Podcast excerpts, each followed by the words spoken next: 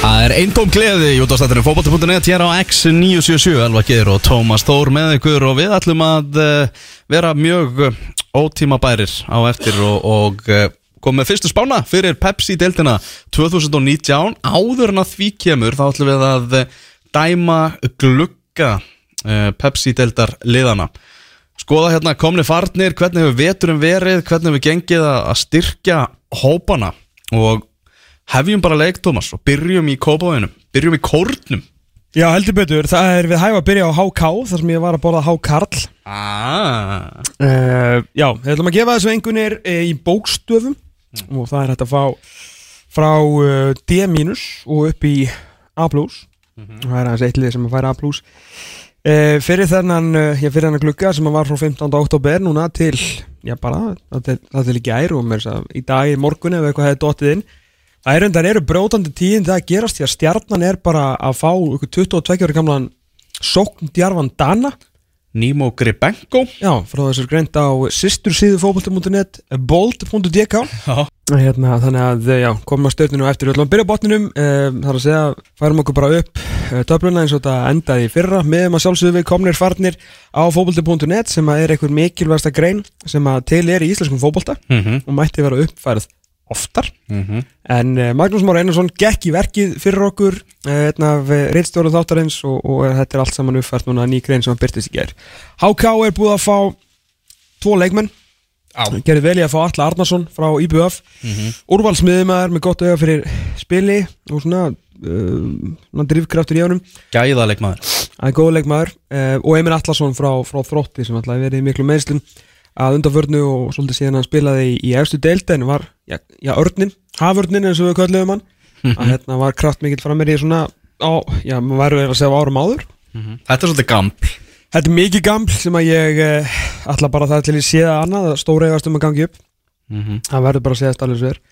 Heru, þeir mistu, er bara búin að missa leikmenn sem að uh, voru á láni hefðum Árun Eli Sæfarsson, bróði Birkismá sem var á láni hefðum Sigur Páll Melberg Pálsson sem að uh, Óli Palli ætlaði að gera uh, leikmenn hjá Fjölni, hann lánaði síðan. Og síðan uh, Villigrísin, uh, Seiko Lús Já, frá Bermuda sem var lánið hérna líka í, í fyrra er, er Brynja Björn Gunnarsson komið upp. Þeir eru náttúrulega eins og ég segi bara búin að fá eitt svona leikmann sem búin að vera að sanna sig undanferðin ár. Þeir eru ekkert mist en kannski ljósi þess hversu mikið háká þarf á leikmannum að halda ætlum við að gefa þeim sé já, fyrsta einhvern dagsins er dottin í hús og það er sé sem er eh, svona aðeins já, vel undir meðalagi það er ekki annað hægt þó við séum konum með hérna eitt leikmann Alli Arnarsson ekki kannski verið veist, það er ekki leikmann sem er að fara að drífa háká eitthvað upp en þetta er góðu leikmann samt. Svo er náttúrulega má ekki gleyma því að Guðmundur Þór Júlíusson, Gummi Júl þráttur hann sé ekki farinn frá félaginu. Þá er hann farinn úr þessu sumri. Já, hann er með, með sliti crossband komið ljósi í lok november við erum alltaf að reyna svolítið að miða við bara gluggan per se en að þetta alltaf kemur glugganum við því að þeir eru ekki í raun og veru búin að leysa hann af. Nei, þannig að uh, líkil maður í hjarta vartarinn ja. fyrirliði listins Já. nei, leifu fyrirliði Já, Leifur leifur fyrir, fyrir, þannig höfum það rétt en, en sko, leikmaður sem var líka búin að vera svona einn allra besti leikmaður liðsins, Mhm. uh, besti leikmaður að mati inkasso deildarinnar þú veist, í þessum öllum þessu velhörnum sem voru veitt í, inkasso deildinni Mhm. og bara leiðtói í þessu liði og svona leikmaður sem að maður var spenntur fyrir að sjá aftur uppi, svona gæði sem var búin að leggja á sig fullt til að fá aftur tækifæri í efstu deild. Mhm. þannig að þetta var mjög leiðilegt að sjá hann þeir eru ekki búin að leysa þetta þannig að hákáingar eru í, uh, í sé Þeir eru í sé Hinn nýlegaðni sem unnu inkassodeldina Skagamenn, þeir hafa verið nokkuð duglegir á, á markaðnum. Já, þeir hafa aðeins verið að uh, eigða selunum sem að þeir uh, fengu í gegnum undrið Arnór Sigursson Já, og bara gert vel í því og gerðu kannski hvað best í að ég hjóla bara í Viktor Jónsson sem að kostaði skildingin og voru svona lið sem að voru ekki já, ekki tilbúin að fara í þá upphæði sem að, sem að þróttararnir voru að byggja um. Þeir voru alltaf voru í ágætri stöðu Viktor vildi fara en hann var svona samlýðsbundinn og veist, þeir voru með ákveði verða á honum og þá voru stærri liðin skagamenn sem að svona beigðu frá. Mm en ég meina, þú veist, ef þú ætlar að gera eitthvað þá þarftu að, smá í veskinu þá verður bara að fara og hjóli í þetta þannig að það var vel gert þeim leikmaður sem þarf að sanna sig í Pepsi-deldinni Skorar eins og morgundagurinn í inkasso Já. en, en getur hann raðað inn í Pepsi, það er spurningin. Nei, það, nei já, þú veist, það er vissulega, vissulega spurningin en rekordið hans í, í efstu deild eftir þetta uh, frábæra tímbilans þegar hann kom inn í deildina bara hjá vikingi 17 ára gammal er uh, bara rosalega slæmt. Og, og hann hef, þarf heldur betur að sanna sig í þessari, í þessari deild. Uh, þeir fá sömulegis uh, Gonzalo Samarano frá Vikingi Ólafsvík sem er svona já, alveg svona bona fide inkasso sko ofurspilari Já, var, að- var geggjaður með, með huginn 2017 í, í annari deild Tók séðan Inkasso og var eitt bestileikmaður Inkasso-deildarinnar En núna Ah, kemur þeir spurning hvort að hann sko bara er að fara að svamla eða synda sko. ah. Þetta er, það er, það er vissulega uh, gjáumulli þings og þjóðar þegar kemur að fyrstu og annar deild eða inkasso og annar deild. Mhm. Það er mikið stökk þar á milli. En stökkið í dag eins og er orðið á milli inkasso og Pepsi. El- Þeir sífælt stækandi Já. Að því sögðu, þú veist það er þetta, þetta er vel brúkjáða leikmaður og verður gaman að sjá hann og síðan fáður þetta óttabjarni Guðmundsson líka frá, frá stjörnunni ég held að það verð ekki kannski miðvörun sem að, sem að Jói Kalli var svona þrá að því að hann svona vantar rosalega leiðtóa með þessum gæjamanna en óttabjarni er samt sem aður góðu leikmaður mm. og ég held að þessi leikmaður sem vil líka svolítið sanna sig aftur Mm -hmm. Fær örugglega fullt að spila, það er örugglega bara 22 leiki myndi ég halda, Mm með að við gæðin á varnalínu já, og miðvarana, hann er betri en þeir. Og er bara það hilstötu gauður og hann leggur alltaf 100% í þetta og er alveg mikil fyrirmynda að því leiti topp, bara algjör toppdrengur. Ah. Þannig að þeir, og síðan fáir Jón Gísla Eiland Sveinsson sem er svona minnanab sem að þeir alltaf nú að gera. Já, hann er bara 16 ára. Já. Ég horfði á hann spila með 17 ára landsliðinu Núna, núna í, í vikunni á móti. Ísrael. Ok. Og þetta er, þetta er mikið efni að meira svona framtíðar músík ja, Algjörlega Hann er að fara að fá eitthvað mínútur og... Ég meina það skaminur tvö, ár síðan er seldu Arnór og það var að borga sig og nú voru að senda tvo út þar með svon Jóakalla þannig að veist, þetta verður að vera mótilið sem að skæin verður að halda sig við. Þeir, meðan að þú veist það er, þeir get ekki þeir eru ekki drukni styrtaræðlum að þá verður þetta að vera þeir verða að halda áfram að láta ungugurinn að spila til að láta taka eftir þeim til að koma þeim í yngri landslið koma þeim út og fá peningana þannig. Mm þetta er að virka svo far, toppmál og þannig að þetta er mjög skiljalegt sæn og mjög, skiljum við, kannski hver veit eftir 1-2 ár að hann verði komin í að spila, þú veist, komin á móti val í lokaumferðinu og hver veit eftir 4 ár hvort hann verði komin í meistradeldina, sko, -hmm. skiljum við Já. það getur verið stutt á milli þessu, sko Mm eins og við sáum Arnór. Er þeir eru búin að missa Garðar Bergmann Gunnlaugsson í val? Uh, Garðar algjör, í raun og var algjör þessu liði á síðustu liti. Já.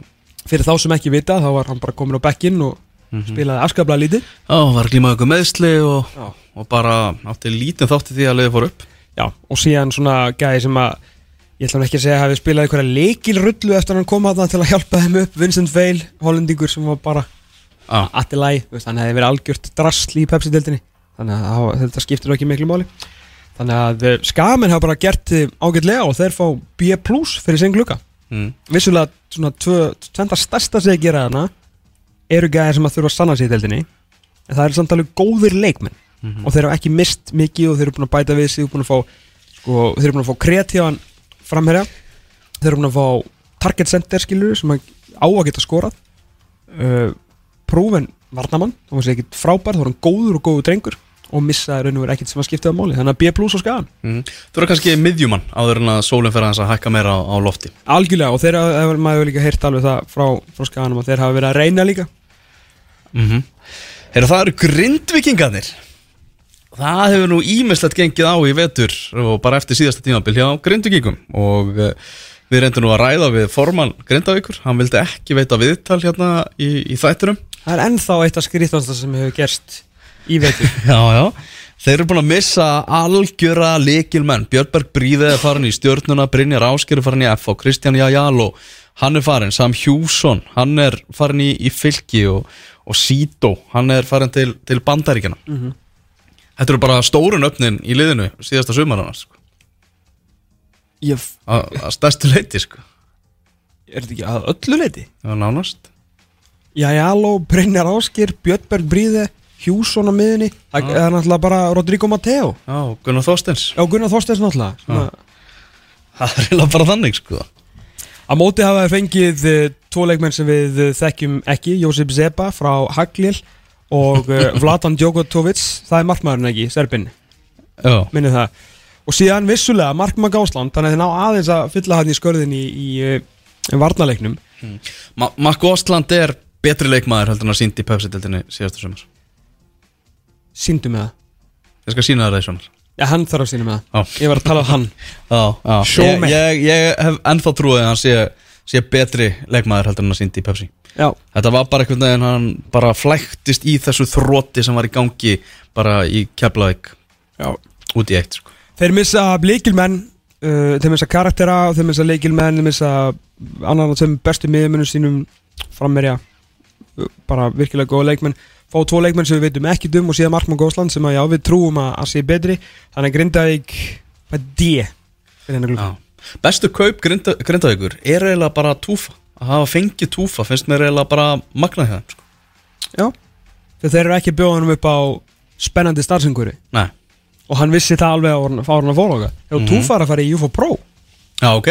Ég sá það, hérna Það er hann á, á mikinn stuðningsaðla í hérna og aðdáðanda í sínu lífi sem er Írina Túfekittit sem er konas með Túfa. Já, og hérna toppkona. og hún er mitt í sá á Facebook hjá, hjá hérna henni að uh, hann er búinn að fá inni hjá mér langar að segja Írska sambandinu. Og Já, er ok. einn af uh, 19 sem var tekin inn í UFO Pro í hjá Írska sambandinu. Já þannig að bara til hann ekki með það Túfa sko. Mm Herru já, DM á grindvinga fyrir, fyrir þannig glugga, það er ekki gott. Herðu, svo er það bara vikingar Vikingur Reykjavík, farnir Þetta þú að hefja lesturinn? Ég var að pælja að labba bara út. Farnir. Alex Freyr Hilmarsson, Káir Andreas Lassen, veit enginn, Aris Vaporakis vantalega bara heima í, mann ekki hvað liða maður herfölgi eða eitthvað. Artur Ingi Kristinsson í Káir, Allir Rafn Andrason aftur uh, til Fúlam á, á láni. Geoffrey Castelljón aftur í FO, hann var á láni. Jörgen Richardsen sem betur fer, Milos Ósakevits sem betur fer, Morís. Það er allir þrýr markverðinni farnir. Uh, og Valdimar Ingi Jónsson er, er farin í fjölni. Mhm. hann er stóra í þessu er náttúrulega Allir Rapp. Við veitum var láni en hann var mjög góður hann á hann að mettist Artur Ingi, Alex Markurinn. Og þar til í gær þá voru vikingar í F-i sem á ekki vera hægt að falla í glugganum, þá var ekki vera hægt. Sérstaklega þegar bara, þú veist, ég er lagsta einhvernin Og voru þeir í effi. D mínus er lagt að einhvern veginn sko. Já, uh, þeir voru samt í effi. þeir voru í F-i Já, sem var ótrúlegt. Já, og þeir hækka nú ekki mikið. Þeir fengu, eru búin að græja markmannsmálinn fá Þórð Ingarsson fyrirlega fjölnis. mm -hmm. hann ætlar ekki að taka þátt í barátunni í kassadeildinni, vil vera áfram í, í efstu deild og kannski bara svona langa að prófa eitthvað nýtt, við kannski þess að spjalla þess við hann. Já, að hérna, prófa eitthvað nýtt svona kannski á setni stegum fyrir hvað er hann gamall? hann er, hvað Hann er ekki 88 mótil. Já, hvað, 31 eða slúðis árinu, ok Þeir eru búin að fá Þórð Ingarsson í markið og uh, James Mack frá vestra. James Mack var bara fínasti leikmaður og skoraði þokkalega í inkassadeldinni fyrir, fyrir tveimur árum en fór síðan niður í uh, aðra deildina í, uh, fyrir, í síðasta sumar og spilaði þar með vestra. Þannig að þeir eru að fá leikmann úr annar deild Mhm. og Þórð Ingarsson sem er að koma af já, mögulega hans versta tímubili í eftir deild. Já. Ég, Ég- ég, er einhver mesti Þórs Ingarsson maður sem til er. Mér finnst hann virkilega góður markur mm Og tímbili á undan síðast tímbili Var hann mjög góður. Já. En það var eitthvað bara í gangi í sumar Og hann átti bara á nokkur mörgum Og var ekki góður. Hann tapaði fleiri stigum heldur en hann vann. Heldur betur. Uh, James Mack, hann getur hlaupið rætt Það er ekki mikið meira held ég Nei, og það, þú veist Það dugar ekkit í Pepsi-dildinni sko Nei. Ef þú hleypur jafn rætt og Dion Eikhoff Þá gengur það upp Já En það hafa menn hlaupi rætt Og bara hlaup með bol- Meiri þess að Dion Eikhoff hlaup með boltan Aftur fyrir endamör sko Já. og James Mack er ekki jafn góður og Dion Jeremy Eikhoff sko. þannig að þetta er uh, þetta er afskaplega skrítið sæn uh, ég veit ekki hvaðan þessi hugmynd kom og hver sannfærði menn um að fá hana mann og af hverju hann ætti eitthvað að geta gert í pepstildinni en uh, það verður, verður fróðald að segja þetta. Víkingur er að fá 10 mínus D mínus, Já rétt skriðið þarna upp fyrir fallið og það er raun og veru bara út af, af Þórið Ingarsinni sko. mm Vindum okkur í Árbæin, í lautina, fylgismenn, þar er uh, Áskir Börkur farið inn, hann er, að fara í Háká, hefði ekki að tala um það. Uh, Áskir Örn í afturheldingu, Elsa Björnsson í stjörnuna og Jonathan Glenn í IBMF að nýju. Já. Uh, það er bara eitt leikmaður komið inn, en það er góður leikmaður. Það er nefnilega góður leikmaður og það er Sam Hjússon Mm. uh, Þetta er svolítið sko, fylgismenn eru þeir fá ekki háa einhvern þeir fá fyrir ekki að lága einhvern ég er bara sem þetta hækkaðu upp hérna að ég veit það ekki, þetta er, er erfið með fylgismennina. Já. Af því að þeir missa hérna hvað, er þetta? Eitt starter, tveir starterar? Ég kalla Áski Börk ekki starter úr svona með við lók tímbilsins Þeir eru að leita að sóknumanni veit ég Árbæðingar, já, skiljanlega. Skiljanlega. Ef ég væri fylgismæður jú, ég, ég hef kannski vilja halda nei, þú veist, ég væri alveg bara sáttur. Þetta sé svona aðeins verið að rensa út fá Sam Hjússon og byrjunarlega hjá fylgi lítur bara ágætt út fyrir hans tímbil mm. þetta, er- þetta er breyttarmingun, klálega Mm -hmm. Þú veist að því að Elís Rafn á fullt að leikjum Áskir Rötn á fullt að leikjum Áskir Börkur á fullt að leikjum og bara fyrirlið í þessu liði. Og Jonathan Glenn er líka þú veist, alveg, not, þannig að þetta er alveg fjóri leikmenn sem eru alveg vel notaður í pepsteldina versus eitt sem er enda betur en allir og gerir byrjunulegði betra. Þannig að ég er svona sé að sé plús með þetta við háká þetta var svona eina sem við vorum ekki alveg klára á árunum Ég segi C plus. C plus þetta. C plus. Já. Sam Hjússon, hann er betur en allir Arnarsson en þeir eru búin að missa meira sko. Já, það er En- alveg rétt sko. en þetta hefur kannski ekki áhrif á Nei. En þú segir ef ég væri stundismæð fylgis þá myndi ég trúa því að það væri meira að koma. Já, en við verðum að dæma klukkan núna sko. Það er bara þannig. C plus segir það C plus, þú voru aður Já. Káa síðasta leiði sem við tökum fyrir, fyrir árum við tökum smáhlýja Mhm. uh, Þar er uh, áhugaverðar breytingar í gangi Þeir eru búin að missa Trínesits, Nkumu Bjarni Mark var uh, keiftur til, til Svíþjóðar Já, Guðmann Þórisson, hann er komin aftur í, í FH, svo er Milan Jóksimovic og, og, og Tufa, Vladimir Tufekits sem eru, eru hvað farnir einnig. endar vikingstúf? Það er góð spurning, er hann enn á landinu það? Ekki guðmyndi það? Þú veist, það er alveg góðu leikmaður ef hann er með bara veist, hausin á haustum á sem ekki raskatur Já, hann er ekki búin að vera á haustnum síðust ár. allan, allan ekki síðast ár sko. Já, Já, ég veit ekki. Herru, aftur á móti er búin að fá Almar Ormarsson aftur sem var bara ljósi í myrkrinu í gráinum í fyrra og er bara úrvalsleikmaður og þetta káamaður, glemum því ekki Andri Fannar Stefánsson. Annar káða maður. annar mikill káamaður og ætti svona að styrkja hópen ég held að hann verður ekki startir hann Guðjón Pétur Lýsson Mm sem er nú heldur betur að fara að styrkja sóknarleikjera og ekki fara að gera þetta káalið sem búin að vera nú á toppnum tvö ári röð eða veist, nála toppnum í förstu leikadröfum fara að gera þá okkar verri í þeim pakkanum.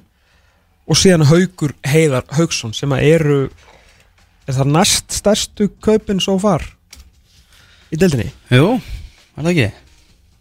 Er það Já, Og svo, og svo þarna Alexander Groven og svo alveg gröfin sem er já, bara, Vang, vang bakverður, já, það ekki. jú, vinstri vangbakur Mm.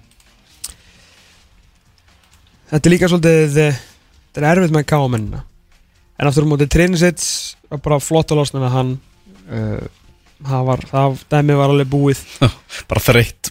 Já, gríðarlega þreytt. Var bara vonandi fer hann úr deildin okkar sko. Þetta var rosalega þreytt típa. Ah, uh, En fyrir á með þess að Guðmann En aftur á móti fáður Haukærin sem er líka káamæður ah, já. Og Guðmann náttúrulega spilaði ekki mikið. Spila ekki mikið, var mittur Bjarni Mark, ég held- mér finnst það vont Ég hef bara vilja Fjölhæfur bara nýttist káa gríðarlega vel síðasta sumar. Bjarni Mark Antonsson er bara góður leikmaður Já, og líka bara góður ungur leikmaður sem var gaman að fá að sjá mínútur hér og vonandi fara hann að spila þetta í Svíþóð uh, vonaði bara svo sannarlega að hann sé ekki að fara í eitthvað, eitthvað bekkjasettu þegar hann getur bara tekið þátt í þessu já þessari áframhaldandi árás káamanna og vegferði áttað Evrópu. Ah.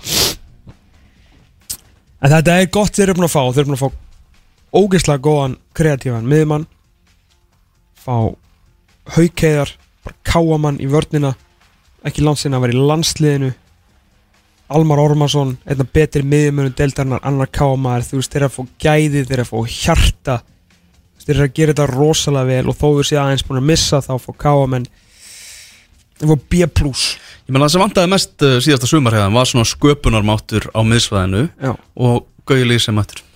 þeir væri alveg í svona A skilur og ættu alveg skilur fyrir það sem þeir eru búin að fá en það er ekkert að horfa fram hjá því að þeir missa Guðmann Þórasson, Bjarnamark og það er aðeins að, kvartna svona úr breyttinni með, með Trinsits og Nkumu. Mm Maður skoða klukka hinna sex liðana hérna eftir augnablík Við höfum sex lið eftir og þar á meðal er IPVAF og bara þegar er svona Það er ótrúld að þeir séu á uh, fyrraskildinu Já, að þeir séu hérna Að þeir séu eftir auðlýsingar að þegar að eigamenn fóru inn í tímambili síðasta sumar þá datt engum í hug að þeir erðu eftir auðlýsingar í, Í þessum þætti. í engunagjöf glukkans í januar 2019 Sjötta sæti, þetta er bilað sko. Þetta er algjörlega bilað. Og byggamestar árið öður mm. og Kristján Guðmundsson þakkaði fyrir sig og fór í pefstild kvenna. Mm -hmm, Töluðum Alla Arnason aðan, hann Já. er farin í, í HK Gunnar Heiða Þorvaldsson, hann er bara hættur ofsnemma Já það ekki? Jó, eitt, tvö ára allavega í viðbútt Kæleo í Bartalstofu, hann er komin í, í Val Kasagi er komin til Greiklands og svo er það Ivan Erikott sem er einnig farin, miðvörun Engi veit hvert hann fór, en hann er farin Ég veit ekki hvort að fólk algjörlega átti sig á þessu En Gunnar Heiðar Þorvaldsson fættur 1982 kláraði síðustu tvö tímabili sín í deild. Þá uh, er ógeðslega liður reikningi 35 og 36 ára. Rétt, já já, segjum það. Já. bara 35 og 36 ára með 19 mörk í 35 leikim og hjólaði alla leið að byggja mestara til hann sagði ég komin heim til að vinna titla.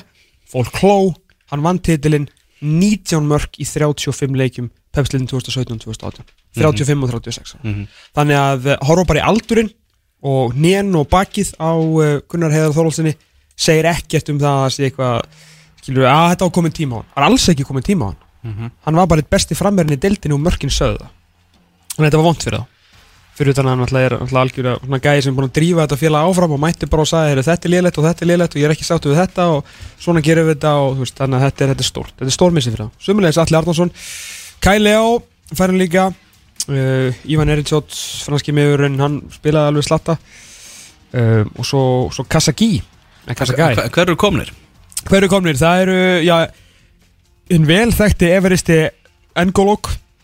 Við komum frá Aris Limassol og Kýpur Það er svona einhver gæði sem að Pedro þekki vantilega Sömulegis Rafael Veloso frá Valdes í Portugal uh, En menn sem við þekkjum kannski aðeins betur uh, Kátturinn Felix, Ört Freyrisson er komin heim Var úr láni frá Væle í Danmarku Var ekki Kjartan Henry að flaga? Til mælega? Já. Jú, það ekki Já, vel það. Uh, Guðmundur Magnússon annar af þessum tveimur uh, markarrókum í kassodeildarinnar frá því síðustu litið strákur sem á eftir að sanna sér almennilega eftir deild Mhm. en fær nú annað tækifæri til þess og með Pedro Hippolito sem að svona kveikti á hann og aftur sem marka vel uh, Jonathan Glenn komið frá fylki uh, heim til þar sem að uh, hann býr með konsinni og Óskar Elias Sóega Óskarsson sem að uh, fór í Viking til Akureyrar uh, til Þórs Mhm. og ná, fekk þar fullt af leikjum og var bara, bara skrukku góður Mhm. með Þór sko svona algjör svona þegar hann var að spila með IBF áður þá var svona, að hvað, okkur nú vantar okkur mann og hérna, þessi Óskar, hann er frá Vestmannum og hann getur spilað hérna hæri bakur skilur þetta var svona þannig, Mhm. en síðan fekk hann hann var bara Mhm. hjá Þórssonum þannig að þeir eru að fá betri leikmann tilbaka þó þetta sé sjálfsög engin ykkur worldbeater þá er hann tölverst betri en það spilaði síðastur IBF Mhm. Þannig að með misturinn er mikill, þú er fá Felix Heim sem er frábært og, uh, og Gumma sem náttúrulega er, er gaml en sáar flottur síðustu, í síðustu leitið en með að við misturinn og þú veist í Kæleo sem var stóðsend ekki hæstur í deildinni fyrra, Mhm. ekki rétt um mér. Já. ég held að ég held ég fyrir mér rétt mál. Kæleo stóðsend ekki hæstur, Gunnar Heiðar nýju marka maður, tíu marka maður þar áður. Alli Arnarsson hrikalega góð með maður, þannig að þeir fara niður í C+, Eyman Já, mann finnst þess að sko ráðningin og Petru sé á stórum hluta þessi ekki bara að kaupa þjálvaran þeir eru líka að kaupa mannin með samböndin sem að getur kift einhverja leikmenn til þeirra. Og portugalsku miðjumæður sem var bara að koma til þeirra núna í morgun. Uh, Telmo Castanera og hann er náttúrulega, ég veit ekki um hann ég er bara viðkynna það. En þetta er svona bara enn eitt spurningamerkið það verður svolítið svona suðrænt yfirbræð þegar næstu leitið Já, Það verður gaman þegar maður á þjóðatið Það er ekki en það á, hvað hendur á þess? Er við ykkur C+. C plus, Já, C plus. Herðu yfir í F-fáinga já finnst að taka þá fyrir svona snemma. Já, Fynda sæti á, á síðustu leitið að sama skapi, já. Uh, Farnir, Alli Viðar Björnsson, hann er hættur. Eddie Gómez, hann er farin Rennigo Clark er líka farin, Robby Crawford. Instastórið hjá Eddie Gómez Ég veit ekki hvort það sé ennþá uppi. Það er með í förðulega að segja síðan akkur þessar stundina. Frá því gær þá, eða? Já, bara gerkvöldi Ok Lýstu, lýstu? Nei, Ég ætla ekki að gera það Bara þið getið farið og skoða nú er ég fórvitið viljið, það var eitthvað sérstætt Var, Allavega. Var hann einhverju giggi okkar maður? Nei, hann var bara heima upp í rúmi með einhverju konu. Já, nú, ok. Heyrðu, Viðar Ari, hann er farin aftur eftir missefnaða Lánstvöl og, og Seiko Lewis. Hann er, hann er einnig farin Sömulegis Rennigo Clark sem að héti eftir allt saman Rennigo en ekki Ennigo Það var mismunandi, það vantaði errið á uh, MLS síðuna. Já, Hann var skráður sem Ennigo Clark á MLS síðunni. Ok. Eða sérst borið fram sem Ennigo En það var Rennigo á uh, Portland Timbers síðunni. Þannig að ég, semst leiðið mig. Ég leiðið mig að þess að fólk tók eftir því svona mitt sumar í fyrra. Já, hérna, Og eini maður sem tók eftir Ég var alltaf að kalla hann Ennigo Var að sjálfsögðu Hjörvar Hafleðarsson Sem er svona á pari við Benna Bó Hann tekur eftir öllu Sem er ekkit eðlilega óþólandi En reyndar heldur mann á tánum. Spotta smáatriðin Það spottast maður drein, það er bara þannig. Erðu komnir, þar eru Castiljón, er komin aftur. Já. Eh, Svo er það Bjötta Er Robbie Crawford, fyrir ekki að grípa alltaf fram fyrir þér? Já, Er hann fyrsti leikmaðurinn sem að fer úr Pepsi-deltirinn til Finnlands? Ég er alltaf að spáða okkur að fara ekki fleiri til Finnlands.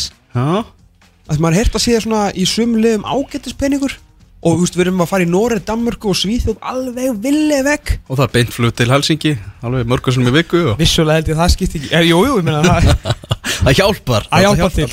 Allavega, allir viðar Eddie Gómez, Rennigo Clark, Robbie Crawford, Viðar Ari og Seiko Lewis. Já, komnir Björn Daniel, Brynjar Ásker Guðmann og Castiljón Já, Björn, topp sæningi þetta þennan veturinn, ekki? Gary Martin, Björn Daniel og hvern sögum við á hann, Haugur Heiðar. Já. Svona þrjú stæstu mm Það er líka svona fyrsta sem maður hugsa líka er bara, þú veist, þetta er, það er svona gamall FO andi, komin aftur. Þetta er svona og þeirra var viðurkenda, það vantaði bara. Já, eflir, eflir klefan Já, og náttúrulega bara góði leikmenn. Svo er spurningi bara, þú veist, Guðmann hvernig verður hann í sumar? Hversu heill verður hann í mikið spilar sumar? Já, En Björn Daniel Sverrisson, sko, það sem að þá vantar náttúrulega ennþá er að þeir eru náttúrulega að halda Jákúb og Borg sem að kemur aftur á láni. Já. Þa, það er góðu leikmæður, hann þarf náttúrulega að skora meira. Mm, var vaksandi Hann var vaksandi uh, Hvað ætlar að gera við Castelljón? Hann var að spila um daginn. Mm. Á ætlar að reyna aftur? Þurra gerfugrasið og allt það?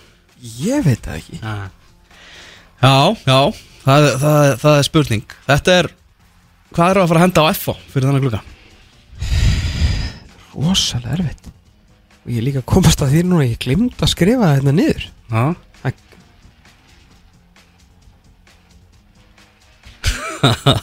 Það er djúpugsun í, í gangi.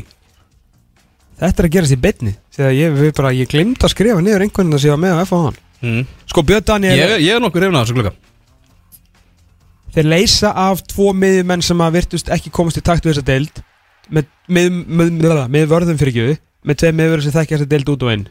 Mm -hmm. og fá Björn Daniel Sverrisson Allir Viðar var non-faktor Robbie Crawford var þú veist, velbrúkað Viðar Ari gæti ekki neitt og Seiko var lánaður. Þannig að þú veist, þetta er ekkit eitthvað svona þetta er ekkit eitthvað stjartfræðilegur missir. Mhm. Björn Daniel stærstu kaupin. Stærsti fengurinn. Frábæleikmaður Guðmann Þórisson hann er svo, hann er svo stór. Ef þú tekur skilur þú veist bara leikmannhópinu FO núna og setur saman, saman byrjunarliðið já, þá ertu með helvíti öflugt lið A mínus. A mínus. Já, skrifundir Skrifundir það. Vindum okkur yfir í KR Farnir engin nei, það er greinlega mjög gaman í káir Já, komnir Alex Freyr Hilmarsson og Artur Ingi frá Vikingum Tobias Thomsen mættur aftur og svo er það Ægir Jarl sem er komin á stærra svið í Vesturbænum frá, frá fjölni. Heldur betur. Uh, Alex Freyr ef átti ekki gott sumar hann er mjög góð leikmaður. Mm. Arþór Ingi átti mjög gott sumar og er mjög skrítin verður eitt skrítnasti káir leikmaður sögunar er svona, þú veist, allan svona en ég, ég er samt hrifin henni sko. Ég er hrifin Arþór Inga. Tobias Thomsen aftur í frammerjan til að veita backup hann við, við Björgun Stefánsson sem er hættur að borða en liftir bara og lítur út í svo sko fitness model Mm. að millið sem hann flúra sig. Mm. hann er mjög stutt í það að við þurfum að fara að fá Björgun Stefánsson aftur hérna í viðtal. Það er klart mál. Uh, og hann skorar eins og vindurinn í uh, Reykjavík byggarnum næst elsta og virtasta knarspöldum út Íslands þannig að það er búin að vera mjög gaman að fylgjast með, með honum og ægir Jarl sem að uh, já, það verður gaman að sjá hvort að Rúnar Kristinsson finni það finni hlutverk fyrir ægir Jarl í uh, leik og starfi Mhm. Hvað er, þú Rúna Kristinsson, hvað er allar að spila að ég ætli Jónusinni? Var ekki verið að tala um að bara ætla að henda honum í strækjarinn? Er ekki með Björgvin Stefansson og Stómsæli? Nú Það er, það er spurning. Ég, bara, ég get ekki svaraði fyrir mitt litla líf en til allra hamingi er ég ekki Rúna Kristinsson ekki til allra hamingi, ég verið mjög mikið til ég á Rúna Kristinsson mm -hmm. Það er að leikja þessi landslýsmaður mm -hmm. En þeir eru aftur á móti að fá kreatífa miðjumann.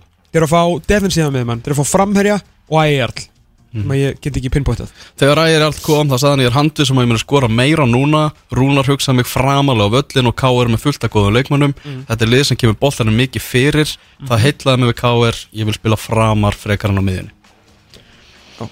á miðjunni Gáfa fullt hús, þeir eru að fá fjóra leikmenn Alla bara alvöru spilara Og þeir eru að fá A plus En þeir eru ekki búin að missa einn einasta mann.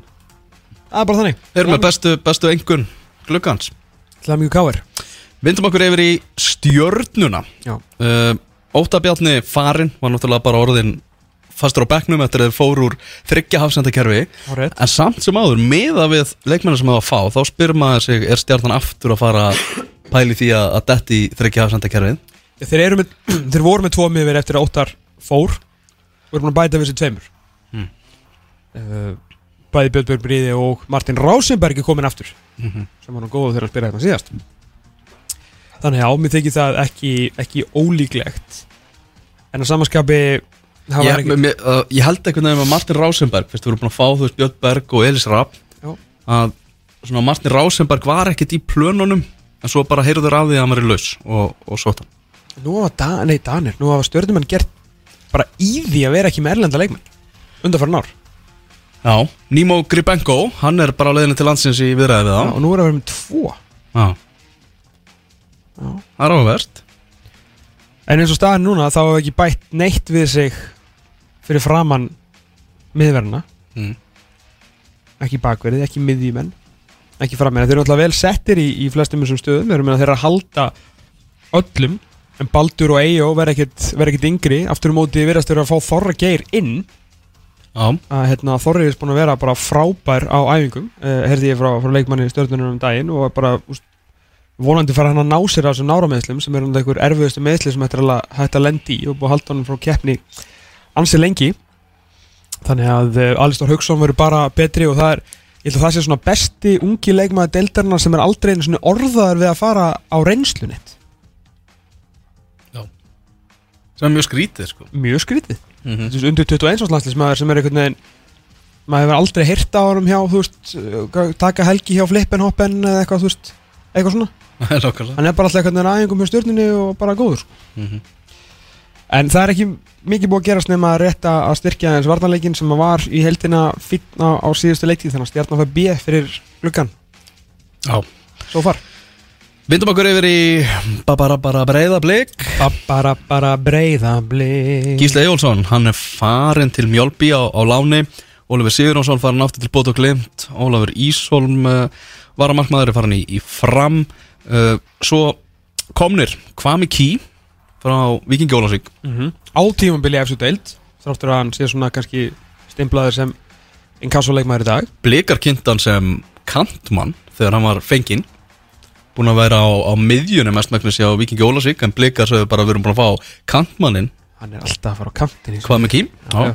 Viktor Karl Einarsson, vantar líka á kantinu vissulega. Viktor Karl Einarsson hann er kominn, barnastjarnar Viktor Karl Einarsson er áður en ég er svona, þú veist, að því ég oft segir hluta hans að hugsa og þetta en ég ætla að segja, í stæðan fyrir að segja þessi mest spennandi leikmaður tímbili, svo ætla að segja þessi top 3 mest spennandi leikmaður fyrir þetta tímbili Já, við, við hverju býstu frá Viktor Karl, Karl Einarsson? þess vegna er þetta top 3 spenn, mest spennandi leikmaður þú veist það ekki ekki guðmundu það Nei. ég sé hann aðeins með U21 ástansliðnum, ég veist hann góður þar þetta er rosalega, þetta er svona bliki sem að fór sérni aðsetta Alkmaar og þú rétt ímyndaður hvernig góður að sparka fótboltanum á næsta mann sko. Mhm. uh, það sem að veitum með trú með Viktor Karl Einarsson er ég ætla ekki að ljúa því að ég hef séð leiki EFK Vernimo. Jó, segðu það. Ég sá eiginlega alla leiki EFK Vernimo eftir að hann gegn, nei, ég meina þú veist eflust gerðist eitthvað meira en að Viktor Karl Einarsson hafi komið í EFK Vernimo. Og þeir held ég endanum fjallið eitthvað. En þeir fór alltaf að vinna einhverja leiki sko. og hann er núna komið með þú veist meistarflóksfóbolta uh, undir beltið Mhm. ekki krakkabolta og varalisbolta hjá Asit Dalmar. En hann er að koma á, hann er uppalinn blikum fer í stórkosla akademíu í Asi Dalmar. Komið nokkra að leiki þarna. Þú veist, kemur heim í sitt umhverfi. Þetta er góð fótboltamaður. Ég sé hann nokkru sinnum með 21 þannig ég veit alveg hann er góð fótboltamaður. Þannig að ég er rosalega spenntur að sjá hvað hann gerir sko. Talar aðan um uh, að þurfa að sanna sig upp á nýtt. Það var svo sannlega við um Þóri Guðjónsson. Já, sem að kemur frá, frá fjölni var mjög dabur síðasta sumar. Mjög. Og uh, gerir sér alveg grein fyrir því. Hann er komin aftur í faðminn hjá, hjá Gústa Gilva já, já. Bara sem var að framherji fyrir uh, Re- Mikkelsen. Já, Tómas Mikkelsen, hann er áfram. Já. Já.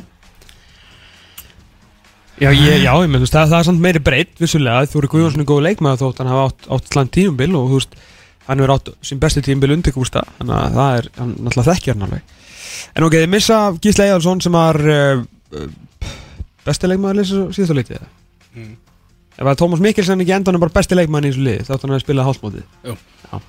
Gísle sann góður, Ólfur er mjög góður sem leiðis og Viktor Karlsson spurningumerki Þóri Guðjónsson sem þarf að stanna upp og nýtt og hvað mikið sem þarf að stanna sig aftur í FC Delt þannig að blikarnir uh, þeir fá uh, þeir fá B mínus að þeir eru búin að missa tvo bara af tvo af þreim fjórum bestu leikmennum listins Mhm. á samt náttúrulega miðvörunum eða skilur þeir sem eru áfram. Mm Blikar er að keppa núna í uh, fótbolta.net mótinu. Ok. er 1-0 liður á móti Grindavík. Ok. Og ég var að fá upplýsingar frá um það. Hvað með ký er á kanturum í þeim legg já já. Aron Bjarnason. Enda kynntur sem kantmaður það er Nákvæmlega. skrítið en að vera sinni í markinu. Hann er hann, hress og gottur. Við hefum eitt lið eftir áður en við förum síðan yfir í ótímabæru spána. Mm.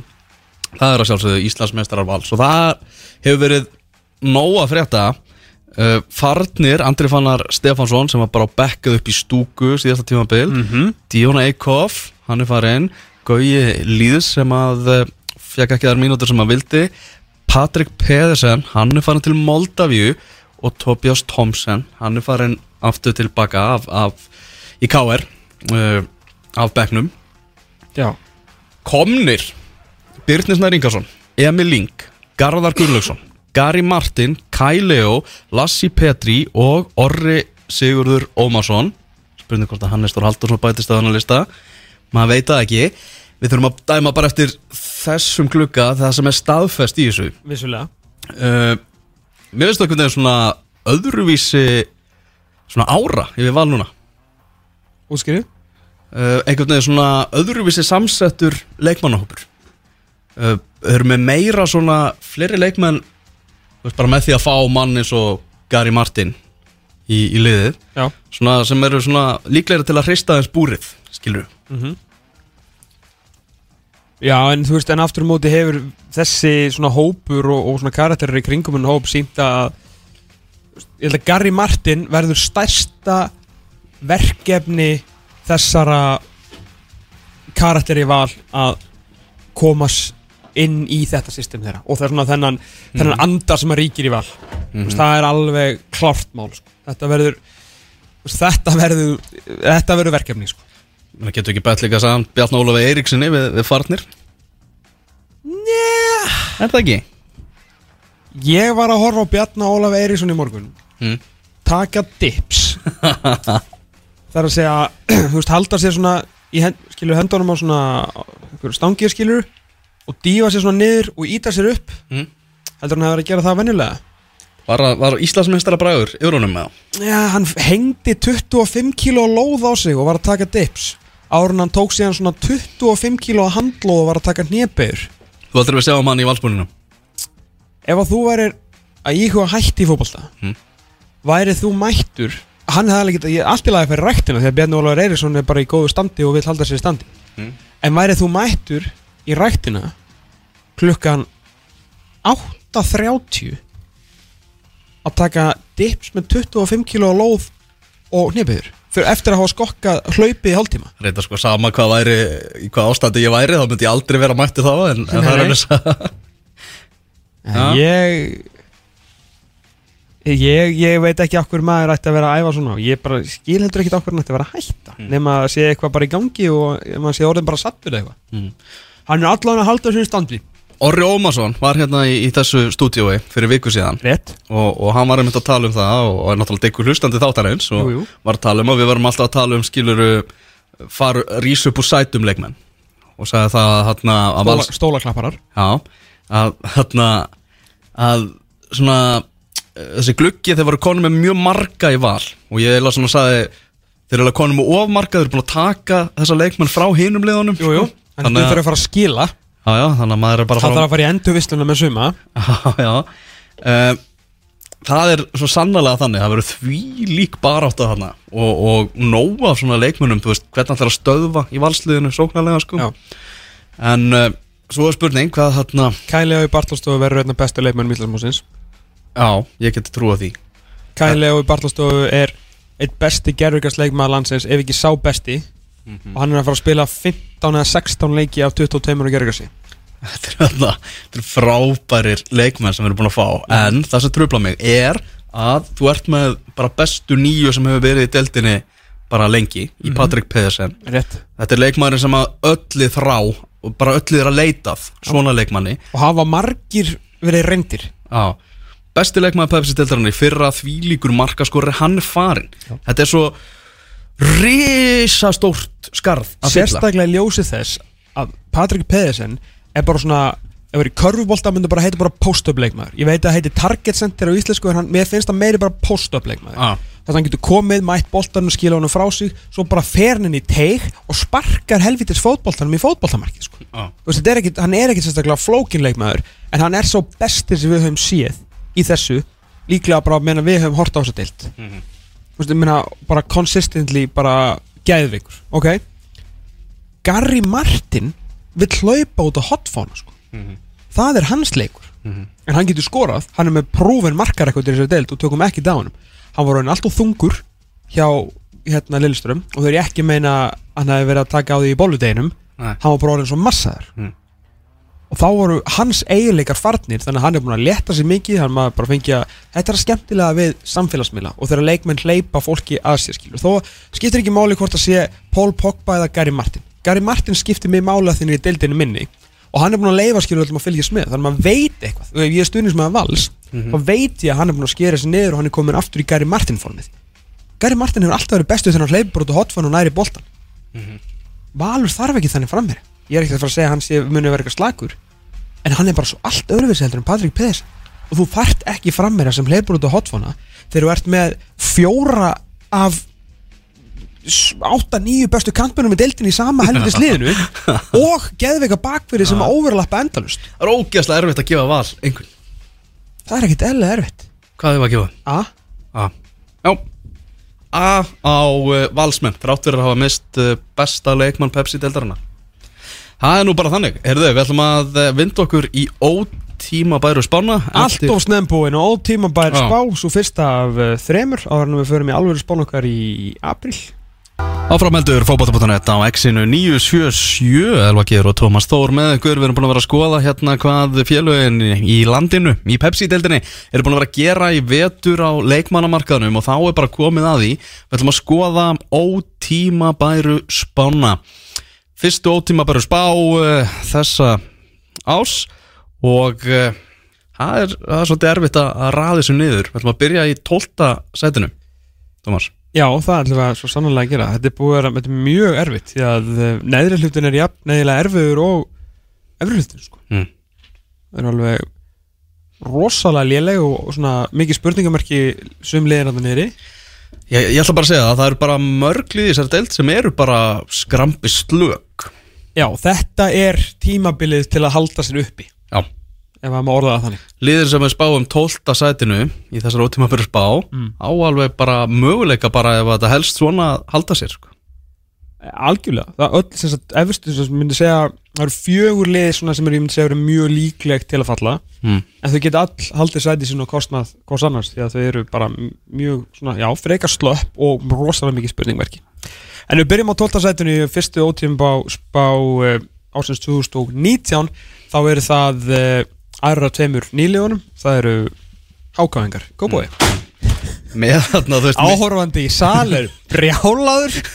Með, þú veist, núverandi leikmannahóp Þú veist, í eðlilegu árferði Þá ætti þetta lið bara ekki eitthvað sjansa á að halda sér uppi. Bara, Það er bara þannig, sko. Alls ekki. En við ge- gefum allavega sjansin Já, ekki meira séns en það að við spáðum, spáðum neðsta sætinu. Þú veist, þetta er, þetta er svona eins mikið en kassolið og það verður eins og staðan er akkurat núna. Þeir eru búin að fá Alla Arnarsson til sinns með það er gott sæn eins og við tölum um Áski Börkur og leiðinu sem er að fara að gefa þeim svona reynslu þannig inn. En það er bara svo rosalega margi gauðra sem að þurfa annarkvort að sanna sig aftur eða bara sanna sig yfir höfuð. Uh, Brynja Björn á eftir að þú veist sanna sig sem aðal þjálfar í þessari deild. Og þú veist þetta er bara svona lið sem að gæti veist, vissulega ég heldur að þetta mikla trú á húsinu sínu. Að þeir eftir að, að ná eitthvað hérna í eh, stigum hérna í indoor football Hversu mikill leikilmaður er kórin fyrir Háka?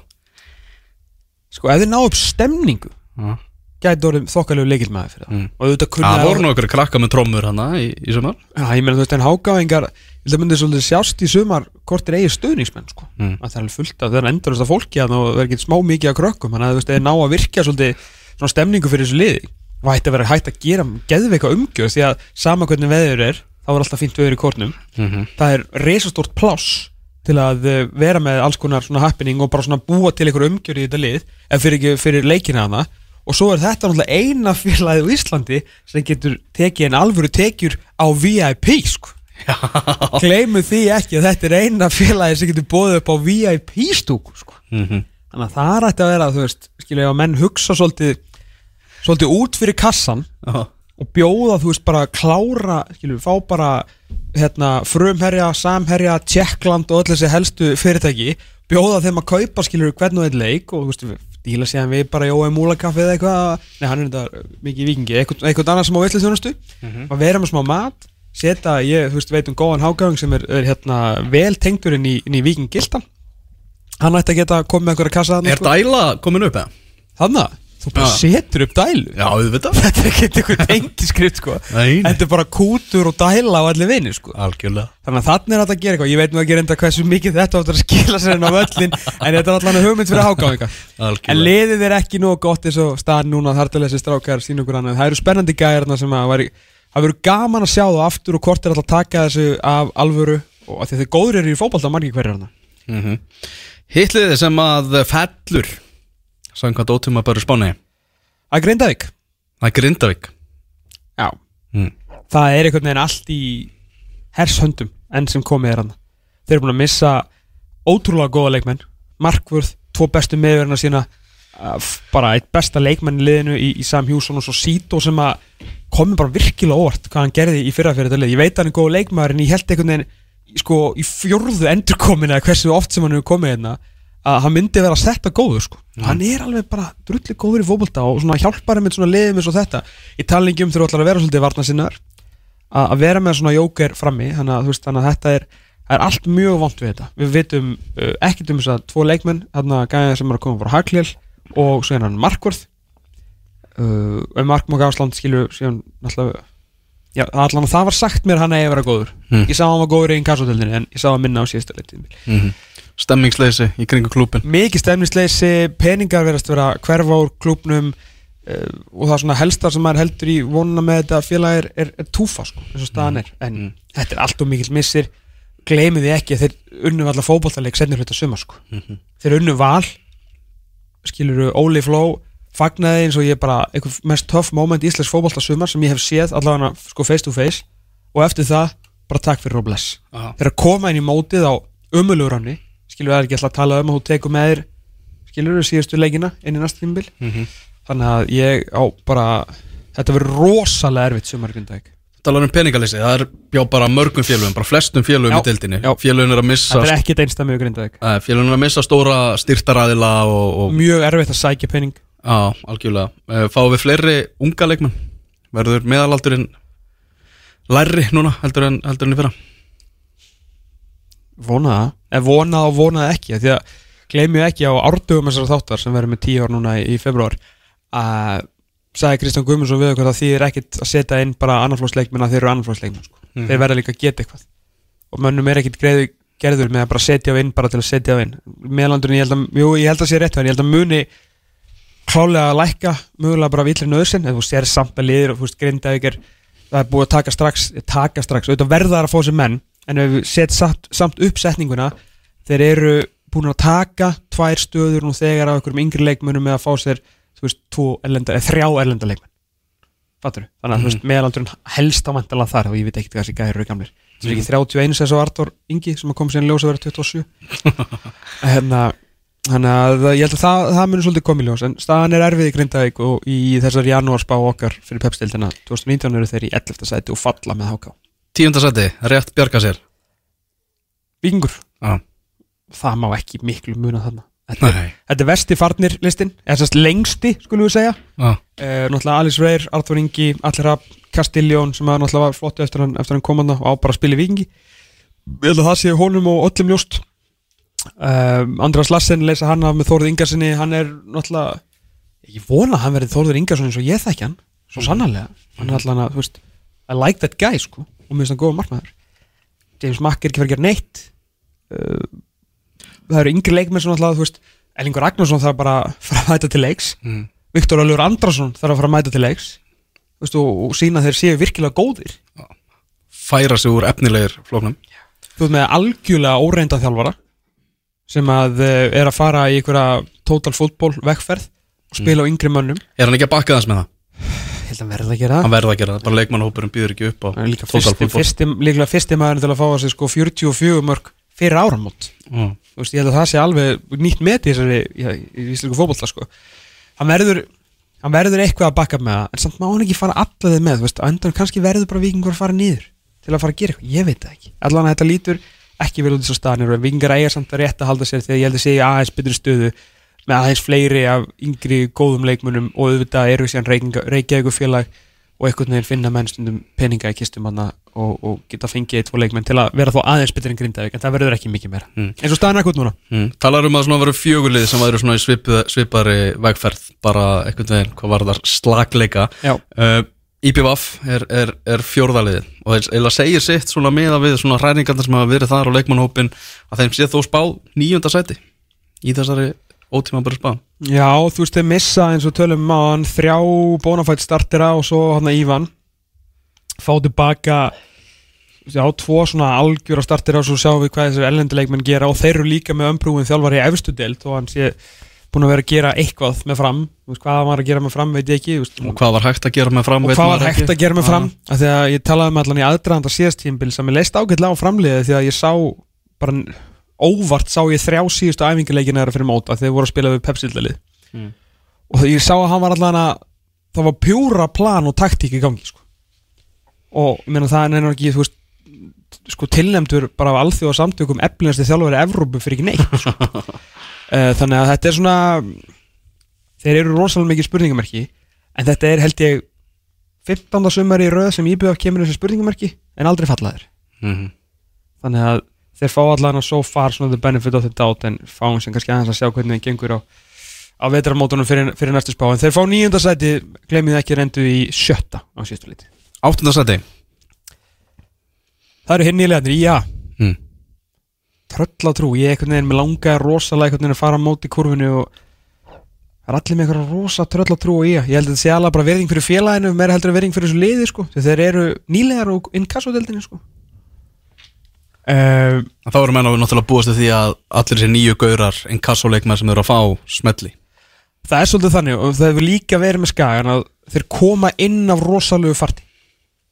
Þú veist það er Pepsi-dildin skiptir þetta lið og þetta bæjarfélag miklu máli og oft er að koma inn um dildina þá er að koma inn á miklum krafti. Ef við förum í ótíma bæjarustu spá sögunar Mm. þá myndi ég spá þeim erfileikum 2020 já, ef þú skilur hvað er að fara. Já, við fattum það En það er eitthvað svona stemning, ég held að það hafi flestir sem eitthvað vita og eins og við þykjast vita um fótbolta trú á Jóhannes Kalli Guðjónssoni. Þannig að ég held að þeir bara heimavöllurinn og skaga stemning og þetta bara leikmennir í þessi liði ég held að þeir ættu allan og svona eins og þetta, þetta blasir við mig núna úslitina á þessum fyrstu leikjum á að vera fín skora mörg, fullt af mörgum líka til að byrja með. Mhm. þannig að svona með hvernig allan að fara á stað á, á hérna í vetramánuðum þá held ég að við þurfum að taka þátt í, í hæpinu í byli og setja áttunda seti Akkur ekki sjöfunda? Akkur á fylgir að enda ofar en ég Já, sjöndasetti fylgir Þeir hérna sko, Fylgir kom svolítið með bara samaliðið upp og gerði ágætlega í halda, halda sæti sínu og þetta er bara svona alltaf Þetta er svolítið að sama sem er kannski ég held að geti orðið líka svolítið hættulegt fyrir fylgismennina hvað þetta breytist ekkit rosalega mikið hjá, hjá, hjá stórvinu mínum Helga Sigurssoni Þetta er svona bara rúlar á, á sama kerfinu svona, svona svolítið samöðlu en hann, þú veist, það vantar aldrei dræfið í Helga. En þú veist, á meðan hann er til leikmanna þá heldur þetta sé allt í góð leikmennir sem missa bara þú veist, þetta brettin svolítið eða vantar í brettina en enginn af þessu leikmennum fyrir megina part að skipti byrjunlega máli. En auðvitað er þetta 22 leiki pluss byggar Óla Ríki Skúlason á eftir að vera eitt besti leikmann deildarinnar. Sáum það á síðustu leiti hvað hann skipti á miklu máli.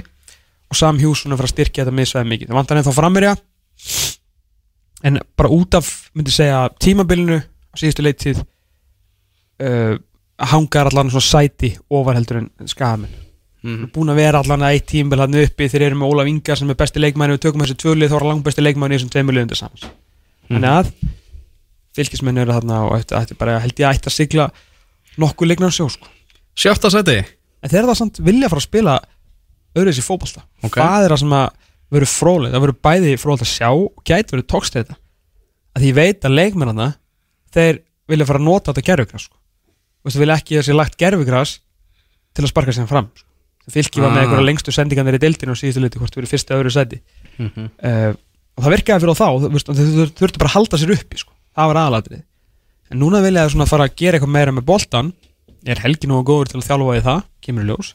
Veist, mun að fara bara í sitt og vera leikmændir eitthvað ósættu það skilu það eru margar spurningar í kringum bara hvernig fylgir alltaf að koma inn í mótið. En með við bara síðast tímbil og Óla Ringi frá byrjun Sam Hjósson á miðuna sæti betur en í í ótíðumberðspanni Káa er í sjöfta seti leðildur í kámen Nei, þetta er ekki leiðilt fyrir þá, þeir fíla þetta sko. Já, þeir Það eru var fyrst eru settu og í annarsæti í mars í fyrra sem að Það fór alltaf nötra fyrir norðan. Já, væga sagt. Já. Að Bara þetta var spilað í hátalarakerfinu í, káaheimilinu og það var svona, bara svona stoppuðu æfingar. Það var svona eins og í, í bandarísku bíómyndunum þegar fórseti bandaríkjana kemur svona í öll sjónvörp og voru að segja, eins og í Mars Attacks voru að segja að gemururnar eru að koma. Og svona enda með að segja svona skilur hérna Godspeed and good luck. Eða Armageddon, Armageddon ræðan þegar þeir að lappa út í hérna geimvelina hana geimfarið, veit ég hvað það heitir. Og þeir eru að lappa gæðið hægt. Og hann er að segja hvað er að gerast fórsetið bandaríkjana og segir hann Godspeed and good luck. Þetta var þannig í, skilur Ah. þeir bara holy shit, þeir eru búin að fatta að við erum góðir. Mm. En uh, Þetta Sko, kemur, engum, KM e- kemur engum óvart þeim sem spáðu sjöfta seti Bara breytingar, nýr þjálfari Já, þú og, veist, ba- hann, og hann, hvaða lið eru hann í topp 5 sko. Óli Stefán er líka að fara umbylta hvernig þið spila fótbolta uh, veist, hann er hérna er vera miklu meira possession based og svona meira svona benskiptari þannig að þeir eru að fara líka svona gegnum smá breytingafasa en aðalega þá er bara crowded at the top sko. Það er eiginlega miklu meira málið sko. mm þannig að sjötta sæti það til að þið sína okkur eitthvað eitthva meira hvernig þeim búin að ganga í kjaftaðismótinu? Eru ekki að vinna það allt? Jú, örgulega, vinna þarna Völsung og K3 og eitthvað. Var ekki kjaftaðis hangi kjötið best enn eitt árið? Enn eitt árið. Ljólin Fymta sætið. Í ótöma bara spáni Nú fer að hitna þessi kólónum sko. ég er svo stressaður. Já, ég skil það. Að því íslenskir fótbolta hérna, gleðileg jól, það er að gaman hjá áhörund í sal, það vantar ekkert upp á það. Uh, hérna já, fótboltastunismenn, þeir eru mjög diggir hlustendur og áhörundur á allt sem tengist þessu, þeir hafa líka mjög mikla skoðanir og sem er gott sko. Mm. uh, þeir geta líka verið mjög reyðir og uh, við sjáum til hvað gerist. Fymta sætið. Sama sætið og síðustu leiti versti árangur síðan 2003 Við erum að fara að henda þeim þangað. FH Með þennan geggjaða mannskap. Aftur flop hvað er þið búin að gera? Úðalega lítið. Þeir fá Björn Daniel Sverjesson sem ætti nú að fjölga mörkunum eitthvað aðeins. Ekki eru prísísónleikindir eitthvað til að Það li- er li- nefnilega lifta þeim upp sko. Þeir hefðu mögulega þeir þurftu að heilla okkur aðeins meira þar. Þeir gera markalust fótboltajátefli við stjörnuna. Þeir tapa fjögur tvö fyrir ía. Og ég veit að þeir eru ekki að spila svona í besta liði en þetta eru leikirnir sem eru búnir og þetta er spáin okkur í dag. Þeir fá miðverði sem að eh, veist, þekkja þetta, þetta hekti game. Við veitum ekkert hvað að Castelljón endi bara veist, aftur í vikingi þú veist, bara vonum það bara fyrir alla. Og hérna Björn Daniel er búin að missa líka þú veist, góða leikmenn. En þar til að annað kemur í ljós að þá er FH bara, bara sama staði fyrra. Menn þegar við horfum á síðan kemur februar lengjum byggarinn fyrir að byrja þá fáum við að sjá Björn Daniel kemur inn í þetta 15. februar mm. það það ekki þessi fræða dagsending Mm. hann spilar eitt tvo leiki Jákúb fyrir eitthvað að skora. Þú veist verður ekki bara góður að taka við boltanum og, og þannig, hann þetta er góður leikmaður. Skoraði hann ekki úr hann þegar hann lappaði fram hjá káringunum einhverjum tveimdu þreymur eitt af kannski vannmættustu mörgum síðustu lindver Mm. þannig að hann er góður, Björn Daniel er mjög góður en, en þar til að við fáum að sjá það á, á vellinum en bara ekki á, ekki á papinum þá eru F-fáingarnir á, á samstað Það er því sjokk það Birgir Bjarnarsson myndi kalla sjokk. Ah. það er eina sem ég veit. Fjórða seti bara bara breiðhambli Lið sem endaði í öðru seti Bæði deild og byggar á frábæru fyrsta tímbili Gustaf Púst. Það er mjög erfitt að, að stíga skrefið og fara í, í gullið sko. Algjörlega og eins og staðan er, er núna þá er ég búin að missa Gísla Jálsson sem að Blika vildu menna að veri besti leikmaður uh, Íslandsmótsins og sömu vildu menna að veri besti leikmaður í sögu efstildar uh, þeir eru búin að missa Ólafur Sigurjónsson sem er alltaf bara frábær leikmaður og er að fá inn tvo leikmenn sem að uh, já, bara þrjá leikmenn sem þurfa að sanna sig. En þeir eru með Tómas Mikkelsen frá upphæðu tímbils Mm. og við vorum að tala um það með Patrik Pedersen á hann við hefum ekki sé betri nýju í þessari deild. Hver veit nefnum að Tómas Mikkelsen endi með að vera bara stallið með honum? Með því hvernig hann spilaði síðustu leiti Já. Þeir eru að spila núna á móti Grindavík að 4-0 fyrir blikum. Brynjólu ég Darri meinti að þeir eru í öðru seti Nei, Brynjólu Darri með tvö mörg viljum fer, er það ekki alveg pottið þetta? Það hlýtur að vera. Það er alveg með það sem að veist, ég held að viljum fari og það verður líka vont fyrir þá. Já, hann virðist veruleika svona eins og hausin á honum er farin út sko. Hann er bara búið sendir já, já, já. mennskuna sko. Ég bara, ég held að uh, þeir sem mun líklegir bara líka með uh, Núta Gústa og svona þeir verður líka auði lesnari uh, maður eftir að sjá kannski Gústa þurfa aðeins að, að uppfæra sig eða uppfæra svona kannski að vera með eitthvað eitthva plan B því að svona í, í, sem leikjum á síðustu leiti var bara svona handtekinn svolítið. Í karpúsi sérstaklega svona setni hluta tímbils í þessum stærri leikjum. Þannig að niður um, um tvö sæti en þú veist, það getur verið tvö stig á milli annars og fjóða sæti sko.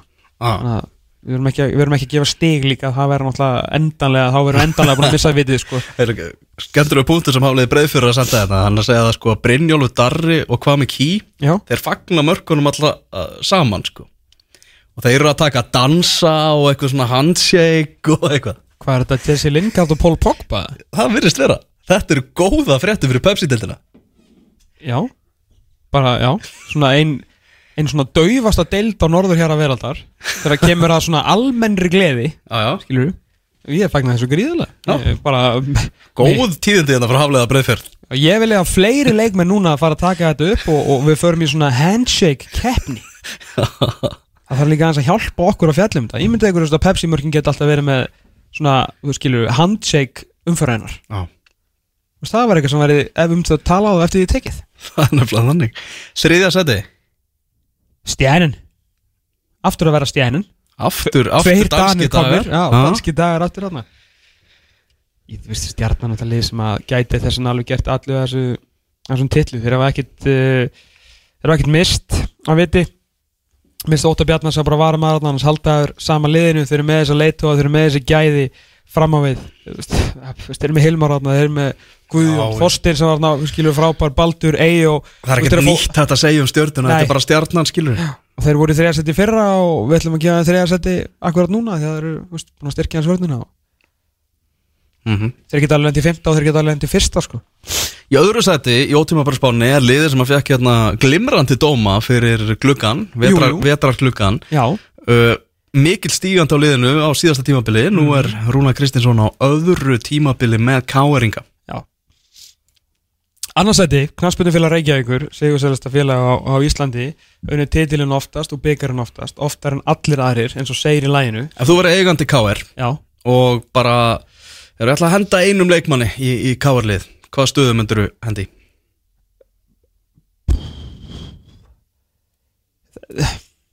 Markmann. Já, ef ég fengi svona, ef ég fengi Hannes já, já, Skilur. já. þá myndi ég taka Hannes Mm. Beitir er ágætismarkmaður En, Þetta er bara flottur í fyrra já, en Það káringar eru samt vanir að hafa toppklassa markmann algjörðan toppklasamarkmann, það er rétt og, og líka það sem ég myndi vilja fá með þessu markverði og er eini maður sem myndi kannski vilja fá sem ég bara get nefnt núna væri Hannes, út af karatinu líka Mm. en K.R. að því vorum að tala um að taka svolítið síðast tímbil með þessari þeir tapa aðeins tveimur leikjum á síðustu 12 og fyrir utan hennan svakalega skella mútið FH, veist, ef, ég- ef ég má taka það frá þá fóður sér sjö mörk í síðustu 12 leikjana hann fann varnalínuna sína Beitir er bara flottur, Beitir fekk rosalega mikla skömm framan á tímbili fyrir bara að spila í lélugu liði sko, sem bara var- kunni ekki að verjast Mm. en síðan kom á daginn að Rúna Kristinsson er bara alveg drullu góður þjálfari sko. og hann bara, Það er engin nýtíðindi svo, svo sem sko nei þau voru gömul og ný hérna, eftir svona nýju tíu umfyrir Mm. Þannig að þeir bara, þeir spiluðu fantavarnarleik. Þeir voru fannir að skora aðeins meira. Nú eru konum með Tobias Thompson aftur. Björgun Stefánsson held ég sé man on a mission. Maður í verkefni. Mm. uh, og ég ég vonast til ekki segja mikils en meira frá hann Mm þannig að þú veist það er bara það er bara, bara stuði káður hérna og Mm. þeir bara líta vel út þeir voru góður undir, setnir út að síðasta tímpils þeir eru bara góðir núna eða þú veist alveg þeir er allan að skora fullt vissulega móti einn kassoliði menn þeir eru að raðin mörgum á þessu lið sko. -hmm.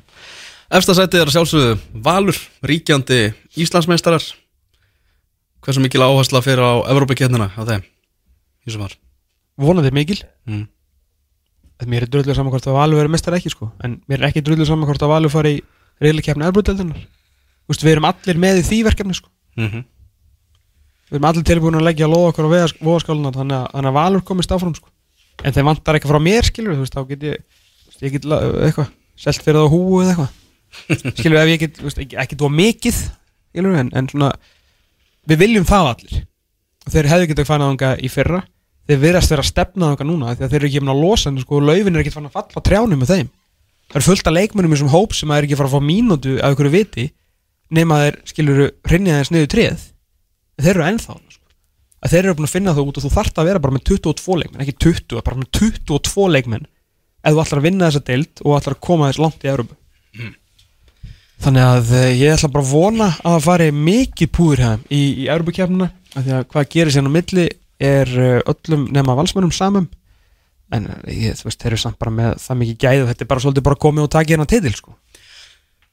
Ótíma bara bá um markakongstitilin Ú, Hver verður markakongur Pepsi-deildarinnar 2019? Hver er líklegastur til að taka guldskó Adidas? wow Býtu, Þetta er reysa spurning býtu Gary Martin? Neinin, Nei. Það verður ekki, neinin. Ekki, neinin.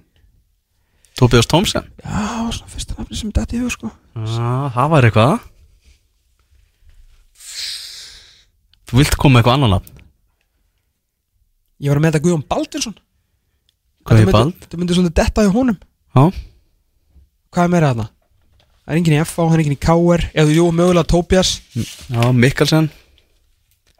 Tómas Mikkelsen verður markastur. Tómas Mikkelsen Já. í breyðabliki verður markakongur Pepsi-deildarinnar 2019 Það er stýttist í skilabóð úr sal. Hvað segja áhörundur? Viktor Jónsson, spurningamerki Það væri saga til næsta bæjar alltaf Hvort hefur áhörandi sal meiri trú að þið verum í veðmáli á Viktor Jóns eða Gumma Mag Býðum eftir uh, Viktor Jóns. Já. já okay. Þú tókst Gumma ekki Jú Já, en ég tók Viktor hm. Já. Og hvað var hitt? Gonzalo Samorano væri flottur eða floppur?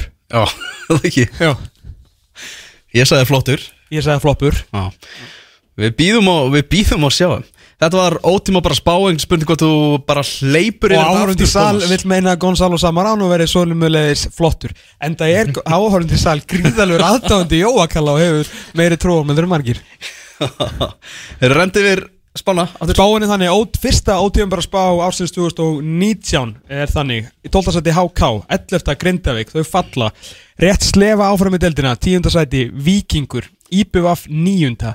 Hini nýlegaðnir Íþróttabandana Akarnes 8. Fylkir 7. Uh, smá vonbreið vantilega uh, reynist rétt hjá Káamönnum þeir eru spáð sjötta enn meiri vonbreið með annað 5. sæti í röð hjá fimmleikafélagi Harnafjörðar Breiðablík fjórða Stjarnan þriðja KR annað og Íslandsmeistarar þá í 20. og annað sinn og þriðja sumarið í röð og þá áttunda tímambili í röð sem Óli Jó myndi vinna titil á Íslandi Valur Það er þannig. Valur Reykjavík, Valur Reykjavík, Já. ekki reyða fyrir ekki reyða fyrir. Valur Reykjavík. Heyrðu, við ætlum að uh, fjalla þessum Manchester United og ennska boltan hérna eftir augnablik